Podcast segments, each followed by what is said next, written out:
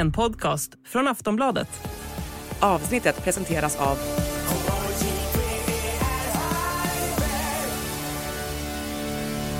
Stödlinjen.se, åldersgräns 18 år.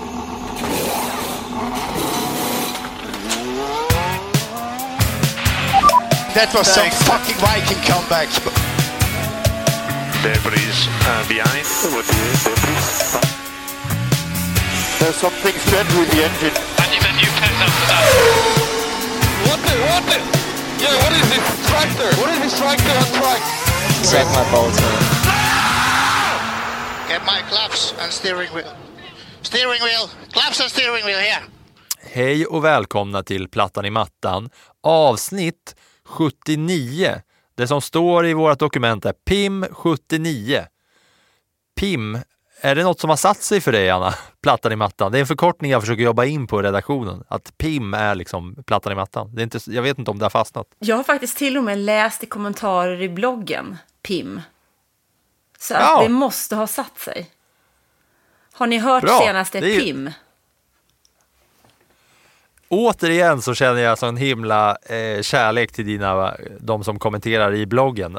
Ännu mer än vad jag redan gör. Jag har ju ingenting med dem att göra egentligen, förutom att de kanske lyssnar här då. Hej på er! Men rent eh, i bloggkommentarer så har ju du mer med dessa människor att göra. Men, eh, bra att det har satt sig. Då, eh, då kan vi gå vidare på att kämpa på med PIM då. Ja, men det är väl ganska Men det är inte så att... Jag, koncis förkortning. PIM?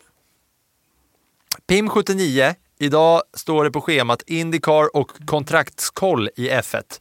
Det är vår plan för det här avsnittet. För att det har ju inte eh, körts någon racing eh, helgen som varit. Och det är nästan så att jag känner att jag själv har varit bortskämd med Eh, avsnitt mellan racen som har varit för att vi har ju nyligen haft ett sommaruppehåll där vi har haft eh, avsnitt som har kunnat rullat trots att det inte har varit någon racing. Och vi har haft många intervjupoddar med gäster eh, som har liksom fyllt upp då luckorna mellan racehelg och inte racehelg. Eh, sådär. Så, så nu är det första gången på länge vi gör ett avsnitt här där vi inte gör en intervju med någon kanske. När det inte har raceats alltså. Fan vad jag svamlar va? Eh, Det kan man väl säga, Filip. Eh, Men jag kan väl tycka i det här läget faktiskt att eftersom vi hade en Indycar-final förra helgen och vi har ju inte tagit Indycar på jätte, jätte, jätte, jättemycket allvar. Det kanske är dumt sagt, men vi har inte, tagit, vi har inte låtit kanske Indycar ta en väldigt stor plats i våran podd vid sidan av de intervjuerna som vi faktiskt har gjort med eh, Marcus Eriksson och eh, Felix Rosenqvist. Men det känns som att det har hänt så himla mycket, mycket i Indycar att det faktiskt är värt att gå igenom det en gång riktigt rejält. För jag känner att Indycar, även om F1 är F1 och Indycar är Indycar, det är en skillnad på exempelvis enhetsbilarna i Indycar, det är en skillnad på en lite, lite man kanske ska säga en, en råare racing än vad F1 är som är så otroligt mycket teknik och det finaste som finns egentligen i racingen. Det är ju kungaklassen där man måste konstruera sin egen bil för att få vara med.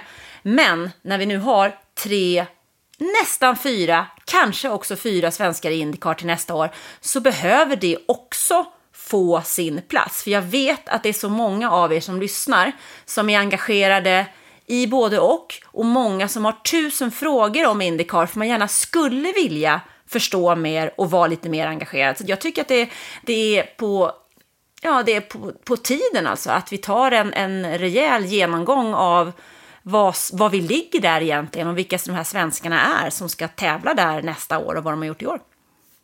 Verkligen på tiden och framförallt på sin plats. Och jag känner ju så som du då förklarar att det är många som nu har liksom, man, gill- man kommer in i F1 kanske, Drive to Drive-vägen eller annan väg, så börjar man liksom komma in mer och mer i F1, eh, F1-sfären och känner sig hemma och bekant och så märker man så bara, vad fan, racing är ju askul. Och så finns det Indycar och då vill man ju liksom ta sig in dit och jag vet ju att jag satt här för eh, ja, men ett och ett halvt år sedan kanske och pratade om att ja, men jag, jag, nu ska jag börja kolla på lite Indycar-lopp också. Eh, och det är inte så att jag sitter och kollar på eh, varje Indy-race eh, vecka ut och vecka in. Men det händer att jag tittar och jag gillar det alltid. Och sen framförallt då liksom har jag nu en gång för alla fått uppleva hela liksom Indy 500 från start till mål. Alltså ja, visserligen på avstånd då, inte på plats. Men eh, jag, jag är nog som kanske många av våra lyssnare har varit där inne och nosat lite och tycker att ja, det här är ju gött alltså. Det här vill jag ju eh, gärna dyka ner lite mer i när det finns tid och när det passar. Och då är det ju bra när det är F1-fria helger att eh, kunna, eh, kunna höra på det. Och när vi nu kommer till vad jag tänkte skulle vara att vi ska stampa igång det här avsnittet så hör jag borren. Borren som alla Aftonbladets poddar har fått kämpa med nu i ett par månaders tid. För det är så här. Du, hör, hörde du borren Anna nyss? Nej, jag gjorde faktiskt inte det. Nej, inte bra, hit. men du ska, få, du ska få höra om borren. Det kan ju vara så att fler av er eh, som lyssnar på den här podden kanske har lyssnat på någon mer Aftonbladet-podd. Antingen Sportbladets poddar eller andra poddar som Aftonbladet gör.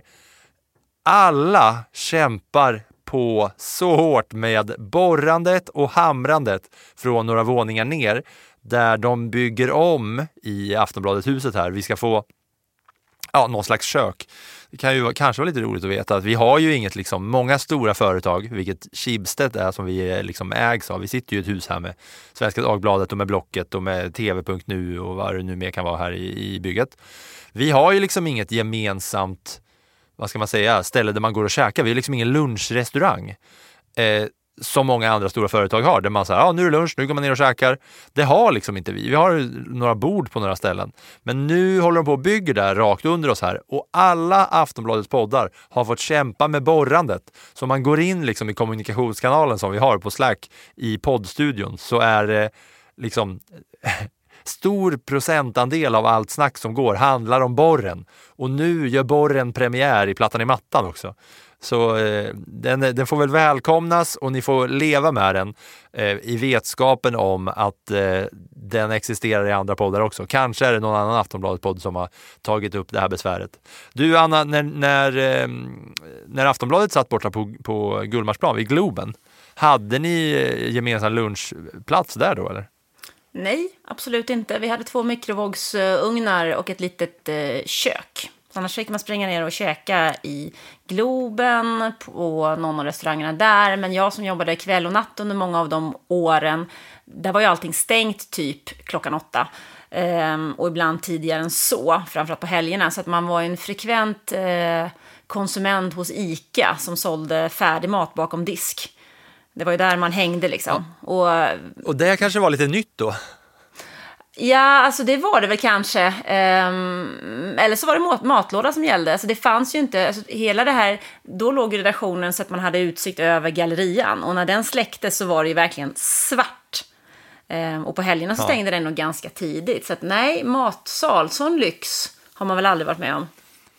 Du, hur var de här som var på den tiden då? Alltså jag vet ju hur, hur folk eh, beter sig med sina matvanor här och nu eftersom att här har vi, vi har lite gemensamma ytor där man kan sitta och käka. Sen ser jag ju vilka på redaktionen som går ut och käkar lunch ute. Hur var det med liksom eh, det gamla gardet? Lasse Anrell, han körde inte matlåda va? Lasse Anrell var inte så ofta på redaktionen. Han hade satt hemma och jobbat med sina pelargoner. Jaha, ja just det, han är pelargon, eller var, eller är fantast. Eh, jag är ju annars matlådeperson. Jag har ju kört matlåda sedan jag var 16, för när jag gick på gymnasiet så hade vi ingen skolmatsal då heller. Utan då var det bara de rika ungarna som kom från Djursholm och hade rika föräldrar som liksom köpte mat varje dag. Och sen så var det vi andra lite så här arbetarklassfolk som eh, vi, vi körde matlåda från 16 års ålder och, och fram. Och jag är fortfarande matlåda alla dagar i veckan. Fan, jag är lite nyfiken på, eh, jag, jag gillar ju, det är många på Aftonbladet som vet om det, att jag, det är många gånger när jag sitter här på kvällskiftet och jag frågar om gamla gamla tider, hur det var på Nu- eh, gamla Globen. Jag, jag blir nyfiken på hur det såg ut. Nu får du mig att framstå som, som extrem gammal. Nej men vad fan, Alltså. 20 år sedan, det är ju 20 år sedan får man väl ändå säga är gamla goda tiden. Alltså för mig som inte varit här så länge, jag har varit här i tre år, lite till. Eh, det har ju alltid legat här, men när, när det var då 90-tal, 2000-tal, då var ju jag liksom ett fan. Alltså på samma sätt som man kan vara ett fan av ett liksom hockey eller fotbollslag, så kan man ju också vara ett fan av av sportjournalistiken. Och Ja, därav frågorna som ställs här. Ja, Ni var kan- ju mina idoler då va?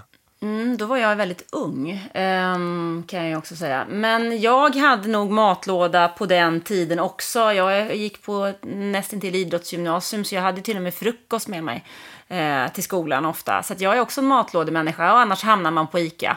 Ehm, ja, och man satt och käkade mitt i smeten där allting hände. Det, fanns liksom, det var inte så man kunde gå undan som man kan på Sportbladets eller Aftonbladets redaktion idag, utan det, man satt liksom mitt i och hände det någonting, kom det en flash om någonting så var det bara att släppa och springa. Ehm, och ofta käkar man eh, vid datorn. Mm. Men, Men, men, men jag har ju hört att eh, det fanns ju en gammal regel som var två öl och en shot. Att det var okej. Till lunchen.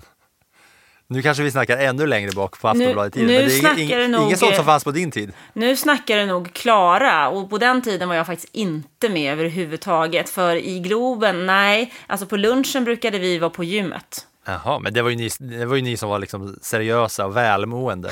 De, här- de här som eh, liksom gillade det destruktiva. De var, Ja. ju nere, de var ju nere och klämde två bira till, till bricklunchen i Globenområdet. Du, ingen aning. Det kan jag i alla fall säga att jag var inte där och ingen av mina närmsta kollegor heller. Så att nu tycker jag vi tar och snackar F1 för nu ballar du ur igen. Du blir så jävla obekväm av det här, det här gillar jag.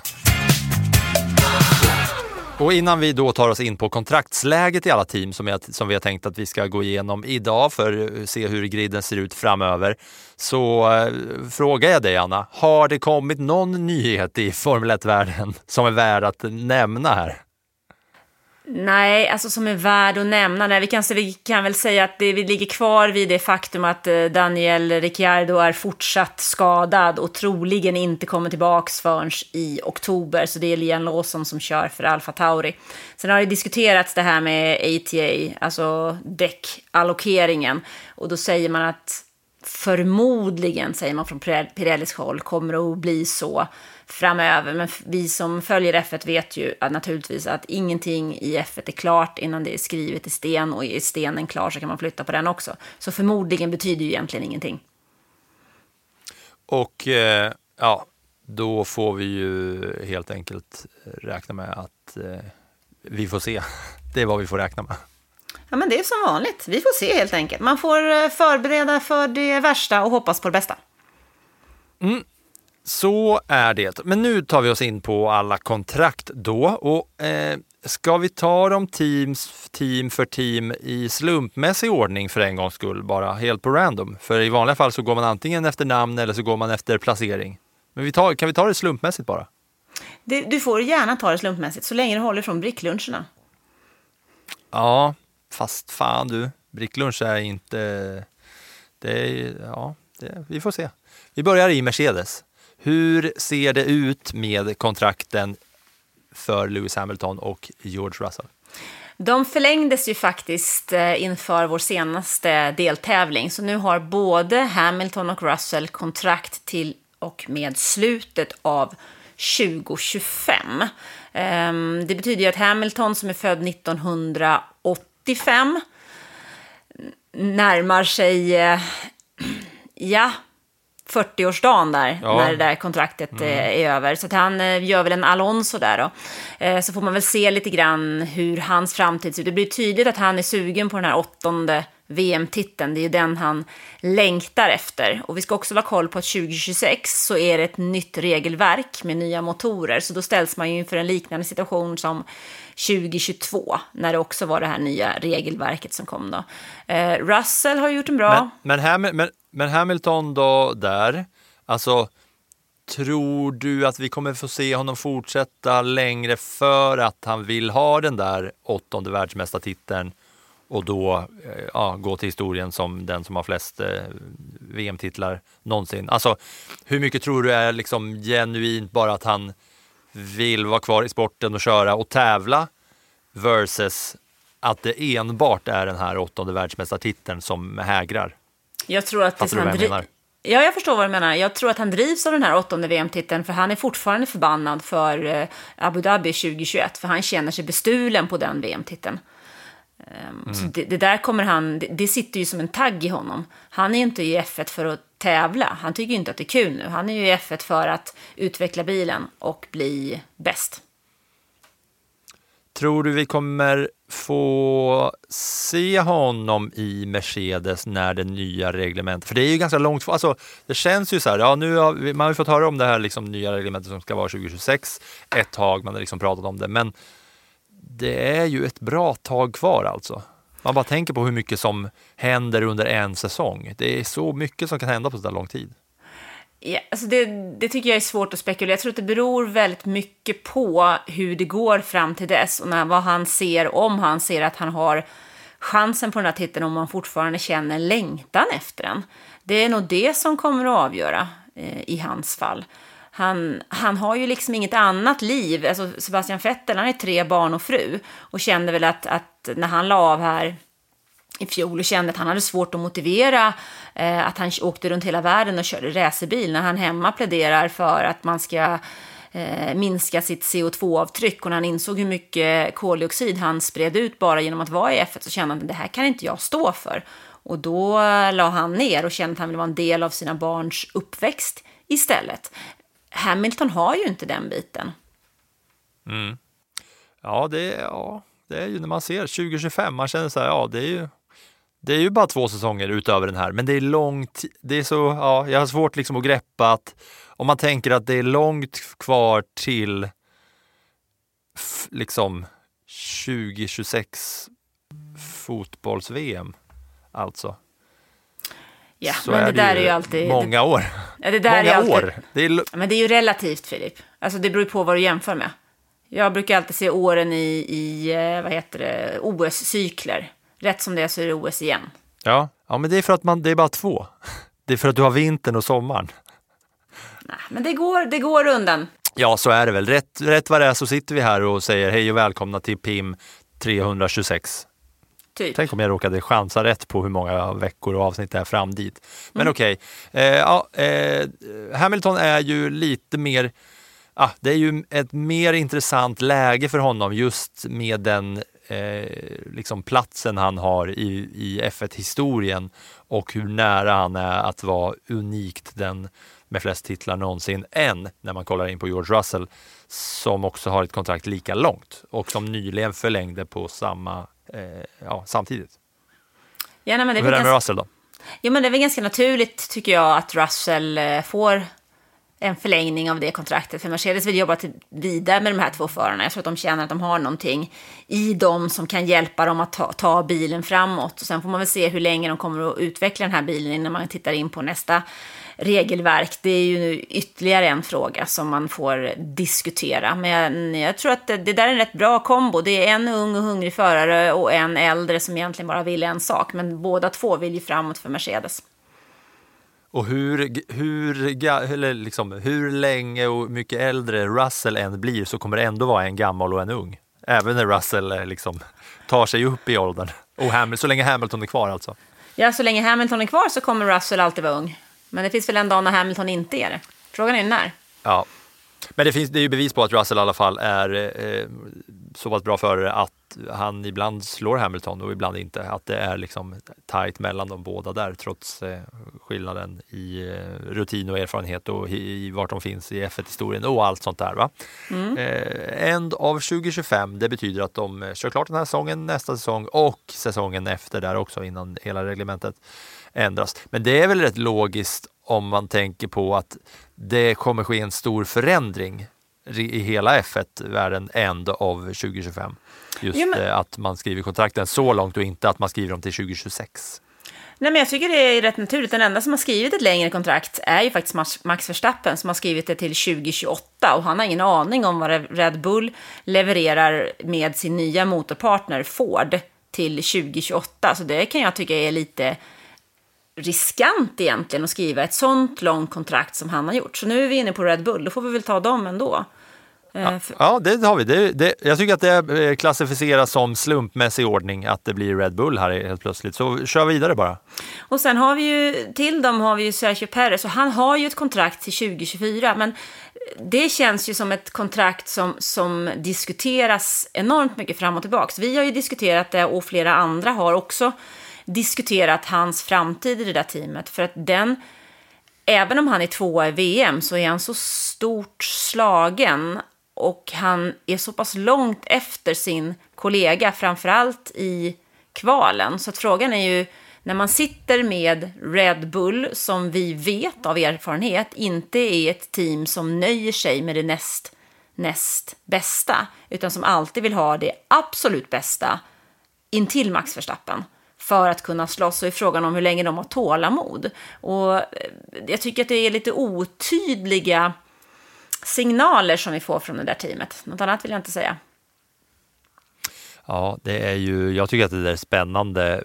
Bara så här, alltså, jag har ju en känsla av att eh, Perez kommer ju inte få eh, sitta där hur länge som helst. Jag längtar ju till spekulationstiden när det är klart att Perez ska eh, lämna och man får spekulera i vem, eh, vem det kommer bli som ska ta över den där styrningen. Eh, eh, ser jag fram emot. Sen har vi ju, om det är någon som vi har pratat om den här säsongen och dennes kontrakt så är det ju Sergio Perez ju. Eh, hur det ska bli och det är ju flest personer som har uttalat sig kring det och sådär. Eh, så, så där har vi varit inne på. Men Max Verstappen då, eh, han swishade lite förbi snabbt bara. Det känns som att eh, det här kontraktet till 2028, hur pass vanligt, jag kanske har ställt den här frågan förut, hur pass vanligt är det att sådana här långa kontrakt skrivs i liksom F1-världen? Eh, alltså det är extremt ovanligt, men allt Max Verstappen gör är ju ovanligt. Det finns ju ingenting med hans karriär egentligen som har varit vanligt. Alltså att köra F1 innan man ens har körkort, det är ju egentligen absurt. Alltså, hallå, det är ju verkligen absurt. Han, alltså, när, när här, han är född 1997.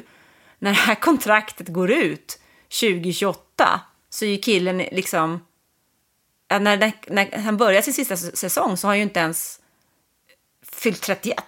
Så han, han, kommer ju vara, han kommer ju vara jätteung, men samtidigt så har han ju kört i F1 så länge att man kan tänka sig att han kanske är sugen på att göra någonting annat. Nico Rosberg la ju av när han var 31 för att han kände att han var tömd. Och Max Verstappen som har kört F1 sedan han var 17, ja, han har ju aldrig varit ung egentligen. Han är ju född till att bli världsmästare. Så att vad han ska göra efter det, det vågar jag inte ens spekulera i, för det får vi se vad han har lust till. Och lite grann handlar det nog också om vad Red Bull levererar för någonting till, i det nya reglementet, eller nya regelverket som man, man tar fram då till 2026 när de ska samarbeta med Ford som motorpartner. Så det, det där tror jag också är väldigt avgörande. Vad har han för material att jobba med?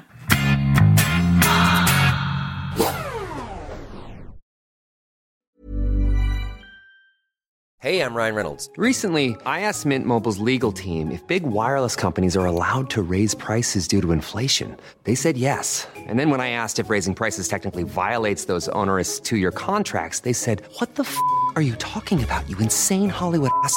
F- So to recap, we're cutting the price of Mint Unlimited from $30 a month to just $15 a month. Give it a try at mintmobile.com slash switch. $45 upfront for three months plus taxes and fees. Promo rate for new customers for limited time. Unlimited more than 40 gigabytes per month. Slows. Full terms at mintmobile.com.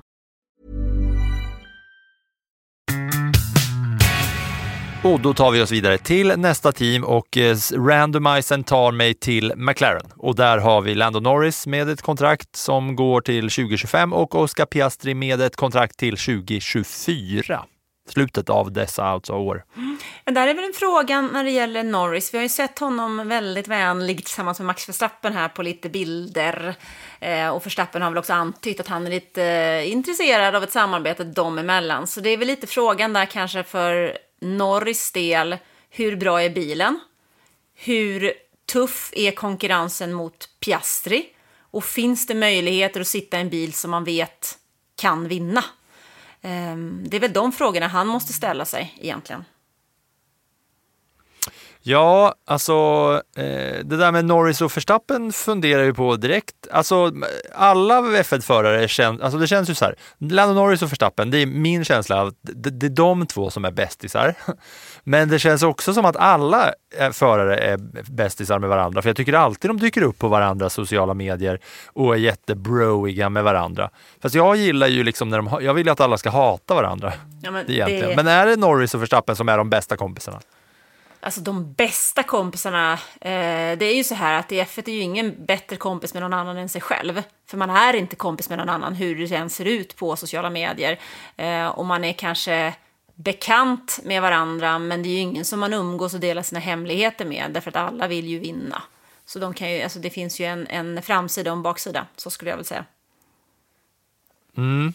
Ja, jag ska försöka gå till botten av eh, The Friendships of Formula One 2023 eh, kanske ändå, för man ser dem titt som tätt dyka upp hos varandra och det känns som att de är så himla duktiga kompisar. Och så är det så här random händelser de är på när det är uppehåll och så där är George Russell tillsammans med Daniel Ricciardo och då tänker man, jaha, är de två bästa polare? Jag trodde Russell, ja, det är lite så här eh, Eh, intri- högstadieintrigkänsla när man eh, tänker på vilka som är bästisar med vem. Men ja, ja, eh, Lando Norris skulle kanske trivas bättre med Max Verstappen än Oscar Piastri. Eh, är det summa summarum här? Så kan det väl vara. Han kanske trivs bättre med en, annan, med en bil som han vet kan vinna än vad han gör med en McLaren som han måste utveckla själv. Ja, och lite eh, som Verstappen där, han har ju varit länge i sitt team och varit med och utvecklat bilen under lång tid. Men i alla fall, Piastri har eh, varit kort tid i McLaren och har till 2024 och Lando Norris varit lång tid och har ett kontrakt som sträcker sig längre än Oscar Piastri. Men eh, om Piastri fortsätter köra så här fint så ska väl det där förlängas också kanske. Alltså inledningen, han är rookie, har han ju gjort eh, jätte, jättebra. Och eh, det är många som säger att han är en framtida mästare. Han vann eh, Formel 3 och Formel 2 i sitt första förs försök. Så att eh, det finns väl förhoppningar om framtiden, så kan man väl säga. Mm. Då hoppar vi till Aston Martin där det är skilda världar, eh, både rent på poängtavlan och i kontraktsläget. Fernando Alonso har ett kontrakt som slutar 2024. Lance Stroll, hur är det där egentligen Anna? Alltså Stroll eh, har väl kontrakt så länge pappa vill att han ska ha kontrakt. Han är i alla fall bekräftad för nästa år. Och eh, frågan är väl snarare hur länge de andra delägarna eh, och starka männen i det där teamet tycker att det är okej att han kör omkring eh, och haltar runt med den där bilen för att eh, han blir ju krossad av Fernando Alonso som å andra sidan känns som en evighetsmaskin. Den där mannen, han, jag vet inte om det finns någon stoppdatum på honom. Han kör ju bara för att det är kul och han har ju otroligt roligt också. Ja, alltså Fernando Alonso end 2024. Det, någonting säger mig att det är liksom inte end of an era eller career 2024. Han känns som att han kommer fortsätta längre, får man väl gissa på. Nu har han ju lågan uppe och farten i, i baken och allt sånt. Ja, en evighetsmaskin. Kommer du ihåg den gamla dängan? Och en evighetsmaskin, en evighetsmaskin. Vad är det då? Det, det plingar någon plinga, eh, det ringer någon klocka. En evighetsmaskin. Den makalösa manicken. du får lyssna Den på den. makalösa manicken. Ja, jag tror vi alla får lyssna på den här direkt och nu.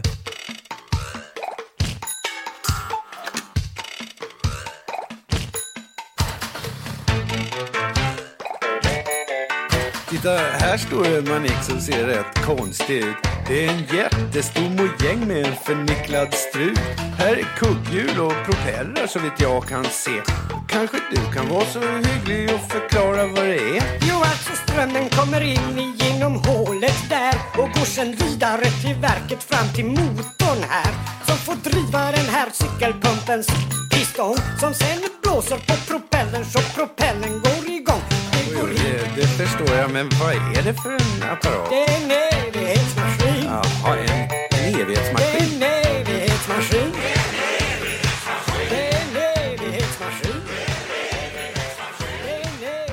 Hemsk. Vidrig. Mag Magiska manicken har vi lyssnat på. Anna, Anna Andersson säger här, vet inte, den är vidrig. Vidrig låt, det gillar hon inte. Det, det, magiska manicken, det kanske är någon som får lite Makalös minnen till den. Makalös manik. Mak Just det, evighetsmaskin, makalösa manicken. Ja, det är sjuka grejer. Vi stannar inte där för länge, vi tar nästa team istället och då säger jag att nästa team att gå igenom kontrakten är Alfa Romeo. Och där har de eh, kontrakt till slutet av 2025, Valtteri Bottas och eh, Joe Guanyu till 2023, slutet väl.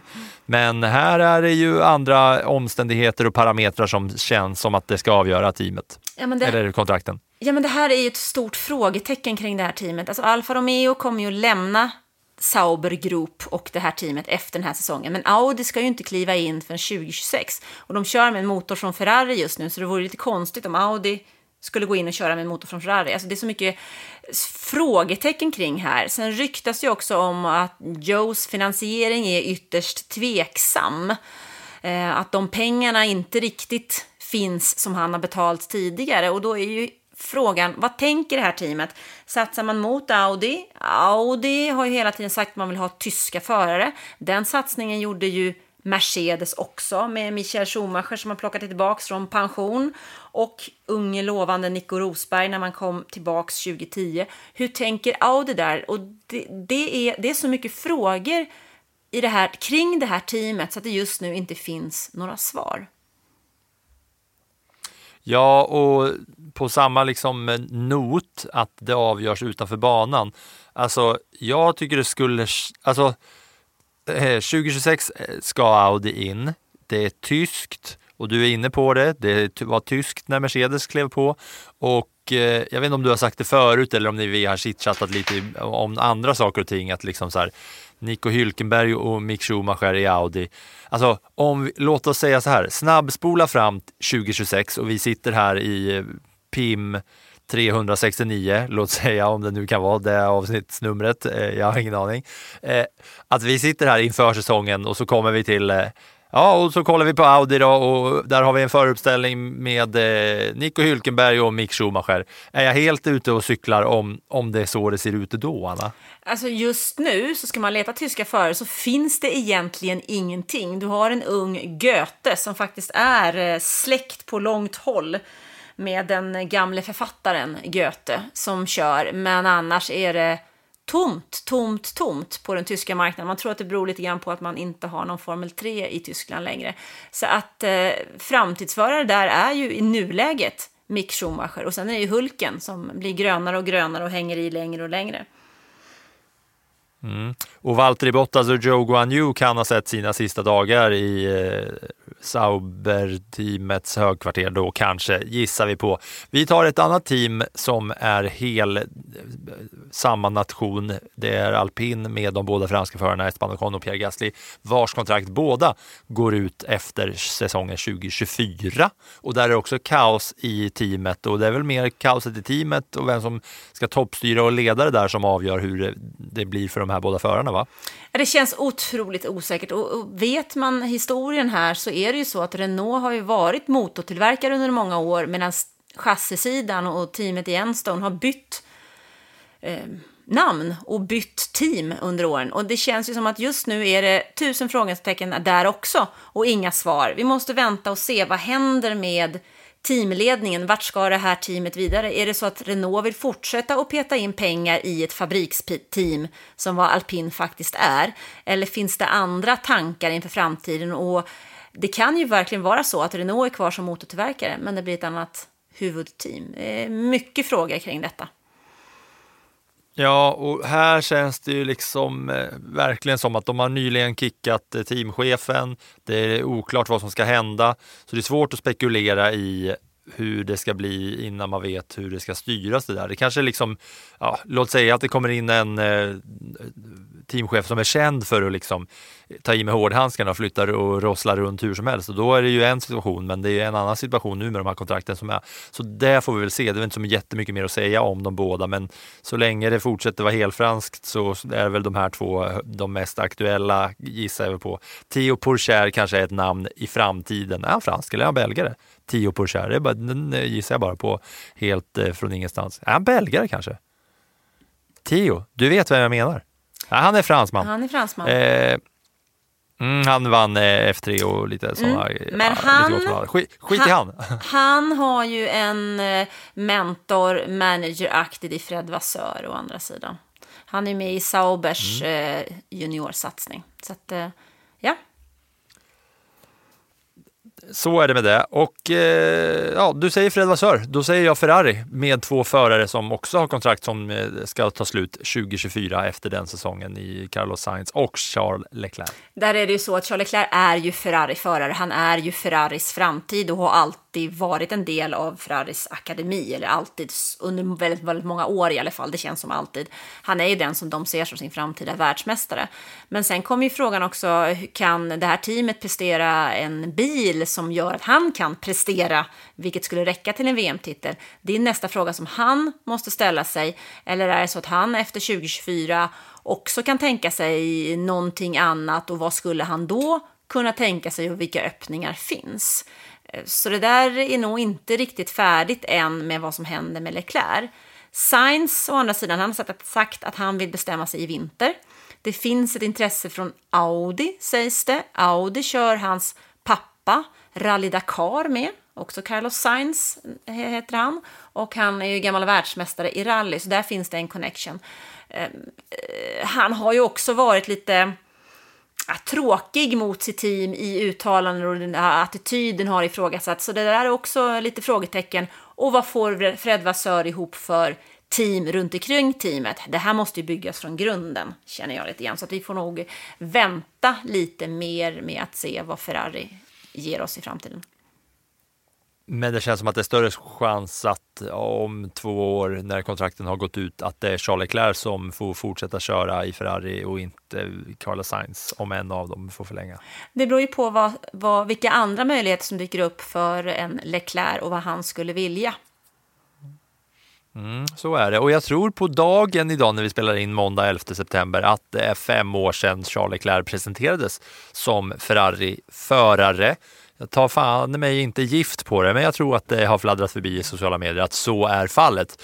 Nu har vi eh, två, tre team kvar här och eh, ett av dem är rörigt utav bara den, så de sparar vi till sist. Först tar vi Haas med tidigare nämnda Nico Hülkenberg och eh, eh, dansken K-Mag. Va? Kevin Magnusson och Nico Hülkenberg är klara för 2024. Eh, Hülkenberg är ute och flörtar lite med Audi kanske. Eh, Magnusson har väl inte riktigt gjort sin bästa säsong, men enligt eh, teamchef eh, Günther Steiner så har ju han varit teamet tråkigt, trogen i både bra och dåliga tider, så han får förtroendet ett år till. Hela Haas känns ju alltid som ett stort frågetecken. Har, eh, vi kommer prata om Williams härnäst, där vi har en jänkare som kör. Eh, Mm, har inte Haas något intresse av att plocka in amerikanska förare nu när F1 plockar marknadsandelar i USA på något sätt, tänker jag? Det skulle de väl kunna ha, men Haas gjorde ju ett test med Mick Schumacher och Nikita Mazepin som var två debutanter. Det föll inte speciellt väl ut. Så frågan är, de kanske har insett att de behöver ha mer etablerade förare för att få hjälp med att utveckla deras bil. Um, och det här teamet är ju också, har ju också varit beroende av att få in sponsorpengar och sådana saker. För Gene Haas har ju till slut inte råd att ha ett privat team som inte drar in någonting i stort sett för att man inte tar några poäng. Så de måste ju först få ordning på allting. Sen kanske man kan börja tänka på att det ska vara ett amerikanskt team. Mm. Men eh, de båda förarna sitter på kontrakt lika långa, alltså men Hylken flörtas till Audi. Ja, jag vet inte mer vad vi ska säga om Haas. Vi går vidare till eh, William, William, för, för teamet William, Williams, eh, med då jänkaren Logan Sargent vars kontrakt slutar 2023 och sen Alex Albon. Hur ser det ut där då med Alex Albon och ja, Logan Sargent? Eller ta Alex Albon. Eh, Alexander Albon har ett flerårigt kontrakt. Han har ett par år till. Han, det är flera st stora team som typ Ferrari och Red Bull som sägs ha varit intresserade av honom. Men jag tror att Albon trivs rätt bra i Williams och vill se vart det här teamet tar vägen helt enkelt. Han blev nog lite bränd när han fick flyga ut fortare än kvickt från Red Bull. Så att, eh, jag tror att han trivs där och det är också en anledning till att han presterar bra. Han presterar mycket bättre hos ett sämre team som Williams än man gjorde in till Max Verstappen i en Red Bull. Um, och när vi kommer till Logan Sargent då så är ju frågan, alltså det är amerikanska ägare i ett investmentbolag som äger Williams numera, det är inte något privatteam längre. De är nöjda med att ha en amerikansk förare, men de vill ju gärna ha en amerikansk förare som tar poäng. Om man nu ska ha, se så. De vill ju att det här teamet ska lyckas. Och frågan är om det kanske inte är viktigare då att det är ett team som lyckas, ett klassiskt team som lyckas och marknadsföra det än att marknadsföra en amerikansk förare som faktiskt inte tar några VM-poäng alls. Och det känns också som att om det är så att de ska gå på liksom så marknadsföringsbiten, att hitta någon som ska kunna liksom med stjärnglans ge liksom exponering till teamet, så känns ju inte Logan Sargent som en sån. Han känns ju inte som en liksom lysande stjärna direkt, alltså varken körmässigt. Det tycker jag man kan ändå så här, ja, det får man väl ha lite brasklapp för när man är som ny kommer in i ett sånt här team och, eh, och allt sånt. Men det sprudlar ju liksom inte om honom som om han skulle låt säga vara en liksom Danny Ricardo eller liknande. Han känns så himla vanlig. Ja, men han är slätstruken som få. Ehm, det det pratas om är ju Mick Schumacher som eh, Mercedes gärna vill få tillbaks in i F1. Ehm, Williams kör med motorer från Mercedes och Toto Wolff är ute och talar om gång på annan att Mick Schumacher minsann presterar bättre än vad han fick cred för i Haas. Så att det där eh, är ju lite spännande, men vi får, se, vi får helt enkelt se vad som vad Sargent presterar under den här hösten. Jag tror att mycket är beroende på vad han faktiskt levererar. Mm. Jag är väldigt nyfiken på vad som ska ske med Alex Albon. Trots det fleråriga kontraktet så känner jag att det, det borde ju vara folk som rycker i honom till både höger och till vänster. Nu är vi på sista teamet och det rörigaste teamet. Och de vet man ju, alltså rörigt för att det, de har haft tre för fyra förare i år som har suttit bakom ratten och man vet inte ens vad de ska heta nästa år. Nej, man gör ju inte det. Alfa Tauri vet vi i alla fall att de inte ska heta. Sen har de ju, det pratas ju om att det tyska modemärket Hugo Boss är på väg att lämna Aston Martin för att kliva in och bli en huvudsponsor åt det här B-teamet till Red Bull då istället. Då går, byter de upp sig rent fashionmässigt i alla fall, Alfa Tauri. Från Alfa Tauri Fashion till Hugo Boss Bulls Racing i så fall, som det har pratats om. Nu är det inget som är klart, men det är så snacket har gått. Va? Men det är ju ett, det är ett rejält uppbyte i eh, modevärlden i alla fall. Ja, snygga kostymer. Men eh, alltså, det är också en fråga här. Daniel Ricciardo är utlånad från Red Bull till eh, sista december i år. Men grejen är att han har ett mellanhandsbrott och är opererad, så han kör ju inte. Och istället har man då plockat in eh, Lian Lawson som är i Red Bull Junior och har gjort ett bra jobb under de tävlingshelger nu som han har kört och han har minst två race på sig till. Vad gör han? Vad kan han göra? Eh, sen har vi Yuki Tsunoda vars kontrakt går ut 2023. Han sponsras ju av Honda och Honda ligger ju kvar som partner, motorpartner till Red Bull, fram till dess att Ford kliver in. Så där kan det finnas ett intresse. Och Honda är ju också starka i Japan, där F1 är väldigt viktigt. Men Honda ska kliva in till Aston Martin. Det är frågan om vad man tänker i de här lägena. Och sen finns det ju så att det finns en massa andra unga förare i Red Bulls juniorteam där finns ju killar som man kanske inte hör namnet på så himlans ofta. Men eh, vad sägs om Dennis Hauger från Norge som kör Formel 2? Där fin finns Ivasa, ytterligare en japan som jag vet att Helmut Marko är väldigt förtjust i. Där finns Enzo Fittipaldi som ju har ett F1-härligt efternamn och Sebastian Montoya likaså så småningom. Även om han är yngre då, så han kör ju mm. inte i Formel 2 än. Senaste rubrikerna på Synoda har varit eh, lite olika. Att det är många som rapporterar att, han, att det troligtvis är så att han kommer signa på en förlängning. Medan andra tidningar, Sports Illustrated, som är rätt tungt, är så här att eh, Synoda har hintat om att han inte har haft några diskussioner om att eh, förlänga det där kontraktet. Så det är lite till höger och vänster där om hur det går och just hela eh, Honda-situationen är där. Men hans kontrakt i nuläget går ut 2023. Och sen finns det ju en tredje förare som är eh, liksom i alla fall eh, på tapeten än så länge. Liam Lawson. Och där är det också lite oklart att veta exakt hur hans framtid kommer se ut med tanke på hur lite han har fått köra än så länge. Ja, men men ändå ska fortsätta.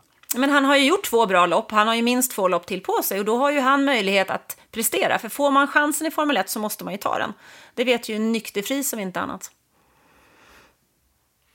Ja, eh, och Lawson vet ju i alla fall också att vad som händer om man inte presterar. Eh, så ja, där har de det. Och där har ni det, eh, alla kontrakt 20, eller alla kontrakt i alla teams.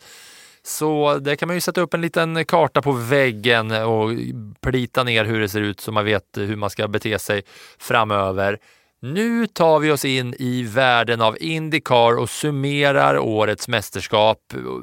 Lite i stort, men framförallt på svenskt håll tycker jag. Så att Indycar får liksom bli svenskkollen den här eh, veckan.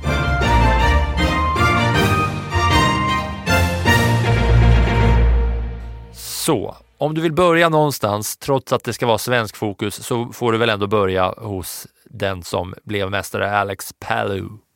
Ja, men det kan vi väl göra. Han har ju kört i samma team som Marcus Eriksson eh, hos eh, Chip Ganassi Racing. Han är inblandad i en juridisk kontraktstvist med McLaren. Men som det ser ut så blir han ju kvar i Chip Ganassi Racing. Där lämnar Marcus Eriksson. Eh, det är ju så att Eriksson tyckte att det var läge för honom att bli betald förare istället för att betala för en plats. Så han har nu skrivit på ett kontrakt med Andretti Global, som tidigare hette Andretti Autosport. De har även ansökt om en plats i F1 till 2026. Ehm, I Indycar så kör Andretti, eh, vars chef då är Michael Andretti, som är son till Mario Andretti, världsmästare i Formel 1 1978, då teamkompis till Ronnie Pettersson. Eh, men i det teamet kör Colton Herta och Kyle Kirkwood. De blir kvar. Eh, de är två amerikanska förare, ungefär tio år yngre än Ericsson och de är ju otroligt starka på den här amerikanska marknaden. Så det blir en utmaning för Ericsson att ta sig an det.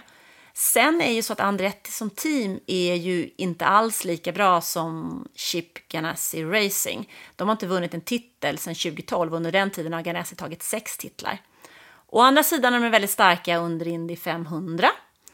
Men i år då så var bästa Andretti-förare nia med Colton Herta.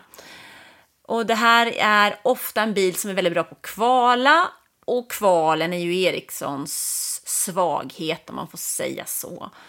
Men vad, du frågar ofta vad jag tror om det här. Ja, jag tror ju att Eriksson är i en bättre sits hos Andretti där han kan få vara med och bygga upp ett team och påverka.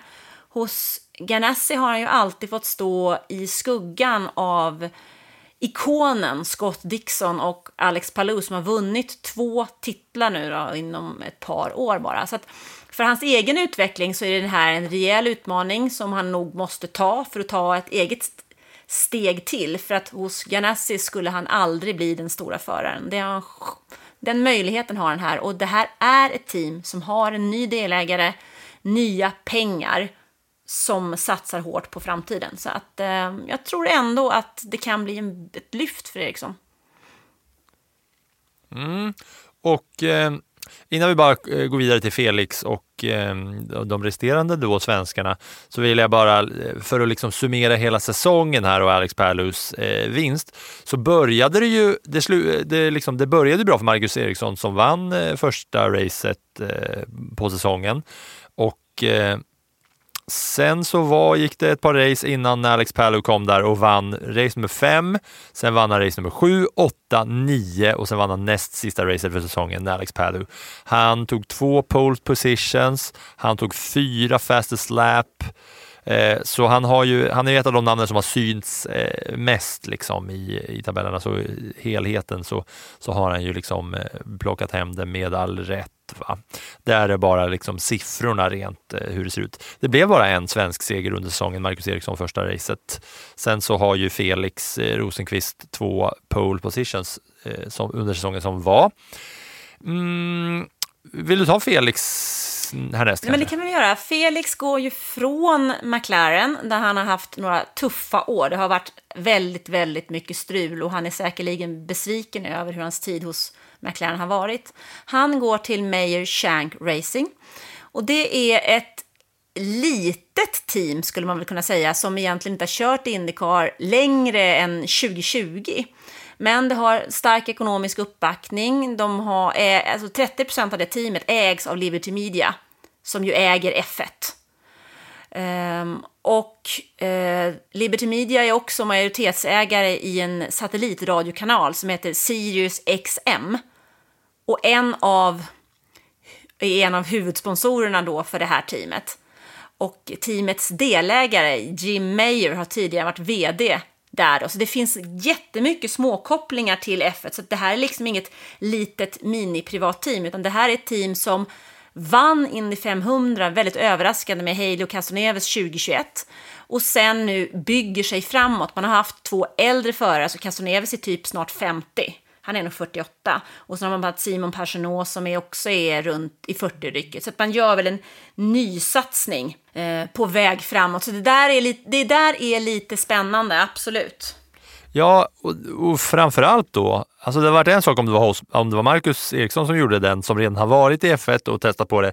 Men Felix ändå, eh, som trots att han liksom fortsätter etablera sig eh, i Indycar Series, eh, säkert har då liksom i borta, långt borta på horisonten en F1-dröm väl. Och så det här bytet. Mm. Mm. Mera. Ja, men, Ge mig mera. Ja, men mera. Vad ska jag säga mera? Vi kan prata om Linus Lundqvist. Han är ju den här killen som faktiskt i det här, här teamet då, Mayer Shank Racing, har han fått göra tre lopp i år. Han fått, fick hoppa in när eh, Simon Pagenaud fick en hjärnskakning. Och han har kört på stadsbana, vanlig bana och oval och imponerat överallt. Så pass mycket att han har fått en styrning hos Chip Ganassi Racing. Och med tanke på Linus bakgrund, han, har ju aldrig, han bytte från europeisk racing till amerikansk racing för att komma åt det stipendiesystem som finns där, för han har inte haft någon egen finansiering, så skulle jag utgå ifrån att han faktiskt har fått tag på en finansierad styrning hos Chip Ganassi Racing, vilket Marcus Eriksson aldrig hade. Och nu har han med sina resultat då imponerat så mycket att han fått en plats i det där teamet där han kanske så småningom kan vara den som kliver in efter Dixon som ju är plus 40 va? Så att det där är jättespännande. Då är väl grejen att han inte har någon möjlighet att kräva lika mycket som Marcus Eriksson har rätt att kräva med tanke på vilken, eh, liksom, vad de har i sitt bagage. Va? Det måste väl till och med jag gissa rätt på. Precis så är det ju. Men för en kille som har kört, alltid kört för att överleva, för det är faktiskt det som Linus har gjort, så är ju det här en oerhört stor chans. Det är spännande. Han har ju nämnts här som eh, Indy Lights-Linus och det är ju ett epitet vi släpper här och nu och säger för sista gången för att nu är det Indycar Linus Lundqvist som eh, vi kommer få höra om i Svenskkollen framöver i Plattan i mattan. Eller hur Anna? Så är det ju. Men så är det ju. Så får vi inte glömma den sista svensken då. Och vi får ju faktiskt kalla honom svensk för hans farsa Stig Blomqvist är ju en svensk rallyikon. Eh, Tom Blomqvist, född i England, föräldrarna skildes, han flyttade med mamma till Nya Zeeland. Han har bott ett år i Sverige där han har kört Formel Renault ehm, och blev trea bakom Felix Rosenqvist. Sen har han hamnat i USA. Han har vunnit Daytonas klassiska 24 timmars race vid två gånger. Och han har ju också kört lite för Mayer Shank Racing i år. Och nu 29 år gammal ska han bli kollega med Rosenqvist. Men han kör med brittisk licens. Så att som förare är han britt, men han har väl ett svenskt medborgarskap också. Så han är väl så här mittemellan. Bra dagar är han svensk. Ja, kul att det är så mycket svenskkopplingar. Eh, sådär. Är det något mer man vill säga om man ska stänga igen Indycar-säsongen, Anna? Nej, jag tycker vi lyssnar på Linus Lundqvist istället, vad han sa mm, i sina första intervjuer efter det att han blev klar för Chip Ganassi Racing. Det är helt otroligt, det är magiskt. Det är faktiskt svårt att sätta ord på hur hur stort det här är och hur mycket det betyder för mig. Jag menar, det, det har varit en väldigt, väldigt lång resa. Inte bara de senaste åren utan alla åren innan dess som, som ledde upp till att vi hade möjlighet, möjligheten att sitta här idag. Det, det är verkligen en dröm som går i uppfyllelse. Först och främst att kunna bli en professionell racingförare. Att sen få köra i ett mästerskap, ett mästerskap som Indycar och att få göra det med ett team som Chip Ganassi Racing. Det, um, det är så mycket, det är så stort, det är väldigt mycket känslor som, som man har gått igenom här nu senaste tiden. Men um, just nu så är jag bara extremt glad och väldigt, väldigt tacksam. Okej, nog om Indycar då kanske och där sätter vi bokslut för den här säsongen och så blickar vi framåt mot nästa säsong. Då blir det kul att följa svenskarna i alla olika teams till höger och till vänster och se hur det går för dem.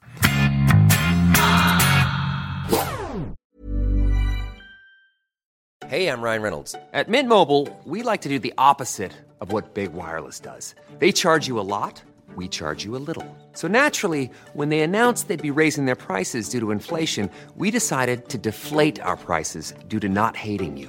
That's right. We're cutting the price of Mint Unlimited from $30 a month to just $15 a month. Give it a try at mintmobile.com slash switch. $45 upfront for three months plus taxes and fees. Promo for new customers for limited time. Unlimited more than 40 gigabytes per month. Slows. Full terms at mintmobile.com.